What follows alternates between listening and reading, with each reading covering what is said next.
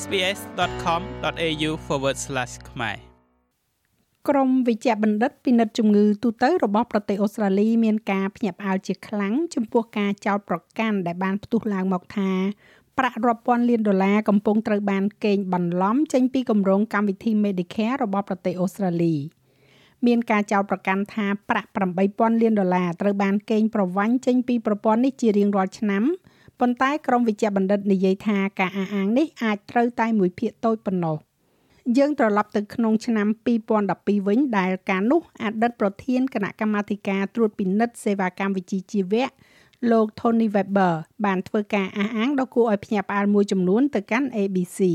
In an article for the Australian Medical Journal នៅក្នុងអត្ថបទមួយសម្រាប់ទស្សនាវដ្តីវិទ្យាសាស្ត្រអូស្ត្រាលី Dr. Tony Weber បាននិយាយថាភាពមិនដំណើរការនៃក្រុមការនេះនិងការការពារមិនគ្រប់គ្រាន់មានន័យថាប្រាក់រហូតដល់ទៅ3000លានដុល្លារកំពុងត្រូវបានខ្ជះខ្ជាយជារៀងរាល់ឆ្នាំដុកទ័រ Weber បានបង្ហាញខ្លួននៅលើកម្មវិធីពេលព្រឹករបស់ ABC ដើម្បីផ្ដល់នូវឧទាហរណ៍នៃការក្លែងបន្លំដែលលោកបាននិយាយថាលោកបានមើលឃើញ លោកបានប្រាប់កម្មវិធីនេះថាអ្នកជំងឺបានទៅធ្វើថ្មិញក្រោមការចំណាយរបស់ Medicare នៅពេលដែលពួកគេមិនមានជំងឺរ៉ាំរ៉ៃដែលនៅពេលនោះវាគឺជាលក្ខខណ្ឌតែមួយគត់ដែលត្រូវបានគ្របដណ្ដប់ដោយ Medicare ដុកទ័រ Weber កាលនោះក៏បានចោទប្រកាន់ថាក្រមវិជ្ជបណ្ឌិតកំពុងតែប្រើប្រាស់ Medicare ដើម្បីគ្របដណ្ដប់ទៅលើការវះកាត់ប្រដាប់ភេទក្នុងគោលបំណងកែសម្ផស្សដែលជាអ្វីដែលលោកបានដាក់ឈ្មោះឲ្យថាជាអ្នករចនាទ្វាមាស ប្រធានសមាគមវិទ្យាសាស្ត្រអូស្ត្រាលី AMA នៅពេលនោះគឺជាលោកវិជ្ជបណ្ឌិត Steve Hambleton ដែលបានបដិសេធការអះអាងនេះទាំងស្រុង seems to me that the, the the director is actually សម្រាប់ខ្ញុំវាហាក់ដូចជានាយកឬក៏នាយកមុននៃការសាររើសេវាកម្មវិជ្ជាជីវៈ PSR បានយកអ្វីដែលគាត់បានឃើញនៅក្នុងទួលនីតិនោះអ្នកជំនាញមួយចំនួនតូចហើយប្រហែលជាបានពង្រីកវារាប់បញ្ចូលដល់អ្នកដែលមានមុខអាជីពនេះដែលនៅសេសសល់ទាំងមូលដូច្នេះខ្ញុំមិនគិតថាមានមនុស្សជាច្រើនយល់ស្របនោះទេឥឡូវនេះនៅក្នុងឆ្នាំ2022នេះ ការអះអាងស្រដៀងគ្នាកំពុងត្រូវបានធ្វើឡើងដោយមានការឆ្លើយតបស្រដៀងគ្នាពីក្រមវិជ្ជបណ្ឌិតការស៊ើបអង្កេតរួមគ្នាមួយដោយបណ្ដាញទូរទស្សន៍ប៉ុស្តិ៍លេខ9និង ABC បានចោទប្រកាន់ថាប្រាក់8000លានដុល្លារក្នុងមួយឆ្នាំត្រូវបានបាត់បង់តាមរយៈការកេងបន្លំ Medicare ពួកគេនិយាយថាមានការរីករាលដាលនៃការកេងបន្លំនិងការចេញវិក័យប័ត្រមិនត្រឹមត្រូវដោយបានស្រង់សម្ដីរបស់ Dr. Weber និងម្ចាស់ក្រុមហ៊ុនដែលចេញវិក័យប័ត្រ និងជាអ្នកជំនាញលើការអនុលោមតាម Medicare Dr. Margaret Fo រដ្ឋាភិបាលហាក់មានការប្រុងប្រយ័ត្ននៅក្នុងការទាញយកការសន្និដ្ឋាននេះនៅឡើយហើយរដ្ឋមន្ត្រីក្រសួងសុខាភិបាលលោក Mark Butler និយាយថាតួលេខ8000លានដុល្លារហាក់ដូចជាខ្ពស់បន្តិច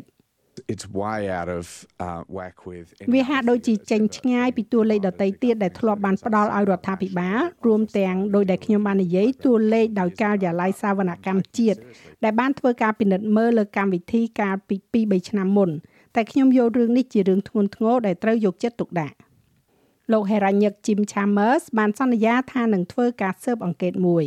something that we will get to the bottom of because អ្វីមួយដែលយើងនឹងជីកកកាយទៅឲ្យដល់បាតក្រោមនៃរឿងនេះព្រោះយើងមិនចង់ឃើញប្រាក់សូម្បីតែ1ដុល្លារត្រូវបានកឹបកេងឬក៏ត្រូវបានលួចចេញពីប្រព័ន្ធនេះនៅពេលដែលវាអាចយកទៅជួយដល់មនុស្សដែលងាយរងគ្រោះនោះទេដុកទ័រ Margaret Fo បានប្រាប់ Sky News ថាលោកស្រីនៅតែឈរលើជំហរដែលលោកស្រីបានធ្វើការសន្និដ្ឋាន This is not anecdote នេះមិនមែនជារឿងតូចតាចទេនេះមិនមែនជាការរំជួយចិត្តបែបមនោសញ្ចេតនាទេនេះគឺជាសញ្ញាបត្រ PhD របស់ខ្ញុំនេះគឺជាវិទ្យាសាស្ត្រនេះគឺជាផុសតាងនេះគឺជាការខិតខំប្រឹងប្រែងអស់រយៈពេល8ឆ្នាំដើម្បីស្វែងរកបញ្ហាដ៏ស្មុគស្មាញនេះហើយខ្ញុំបានរាយការណ៍អំពីផុសតាងល្អបំផុតដែលយើងមានប៉ុន្តែសមាគមវិជ្ជបណ្ឌិត AMA និង RACGP សូមឲ្យមានការគិតខុសពីនេះ។ អនុប្រធានសមាគមវិទ្យាសាស្ត្រអូស្ត្រាលី Dr. Daniel McMullen និយាយថាក្រមវិជ្ជបណ្ឌិតមិនព្យាយាមនិយាយថាការក្លែងបន្លំមិនដែលធ្លាប់កើតមាននោះទេប៉ុន្តែលោកស្រីនិយាយថា Dr. Fo នឹងការរាយការណ៍ព័ត៌មាននេះគឺគ្រាន់តែច្រើនលើសលប់ជ្រុលហួសហេតុពេក The Department of Health and Medicare នាយកដ្ឋានសុខាភិបាលនិង Medicare មានឧបករណ៍សាវនកម្មដ៏ទូលំទូលាយនិងឧបករណ៍អនុលោមភាពដែលបង្ហាញថា អត្រានៃការក្លែងបន្លំ Medicare គឺនៅតិចជាង30%នៃការលើកឡើងនេះឆ្ងាយណាស់ដុកទ័រ McMullen និយាយថារឿងអាស្រូវពិតប្រាកដគឺថា Medicare មានភាពស្មុគស្មាញដែលមិនចាំបាច់ហើយមិនបានសម្របខ្លួនទៅនឹងស្ថានភាពបច្ចុប្បន្ននោះទេ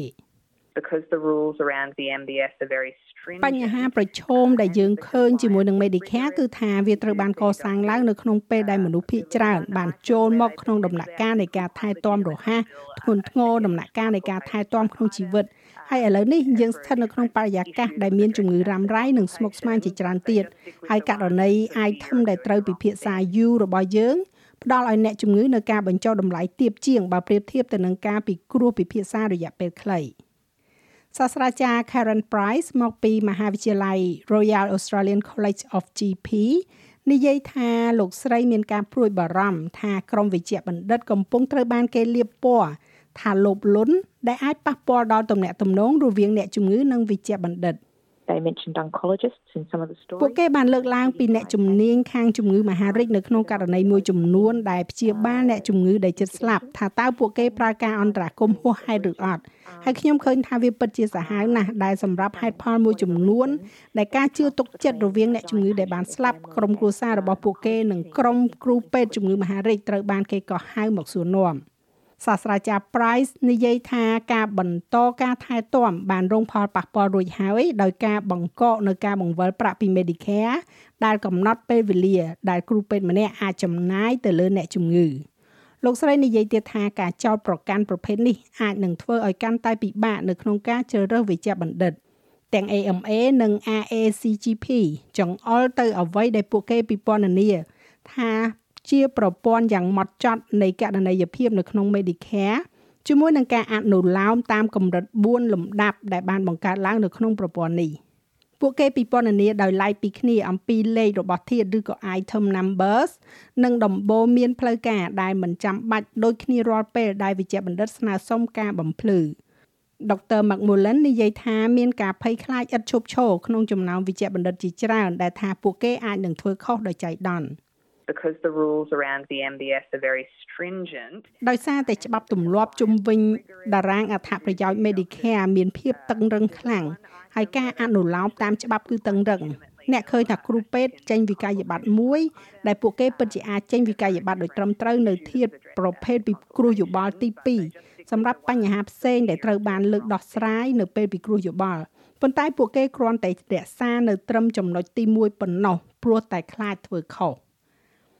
ប៉ុន្តែបណ្ឌិត Fo មានប្រសាសន៍ថាផុសតាងគឺច្បាស់ណាស់ដែលថាការអនុលោមតាមកម្រិតទាំង4ថ្នាក់នោះមិនដំណើរការប្រកបដោយប្រសិទ្ធភាពទេ We have uh, a hemorrhaging Medicare system. យើងមានប្រព័ន្ធ Medicare ដ៏ខាតបង់មួយការខ្លែងបន្លំមិនត្រូវបានគេរកឃើញនោះទេការអនុលោមតាមកម្រិត4ដែលអ្នកបានឃើញលោកស្រីប្រធាន Karen Pry និយាយអំពីនោះគឺมันមានប្រសិទ្ធភាពទេ លោកស្រីជំរុញឲ្យមនុស្សម្នាចូលទៅអានច្បាប់ចម្លងនៃនិខេមបទថ្នាក់បណ្ឌិតរបស់លោកស្រី ដើម្បីយល់ឲ្យបានពេញលេញនៅការអះអាងដែលលោកស្រីកំពុងតែធ្វើ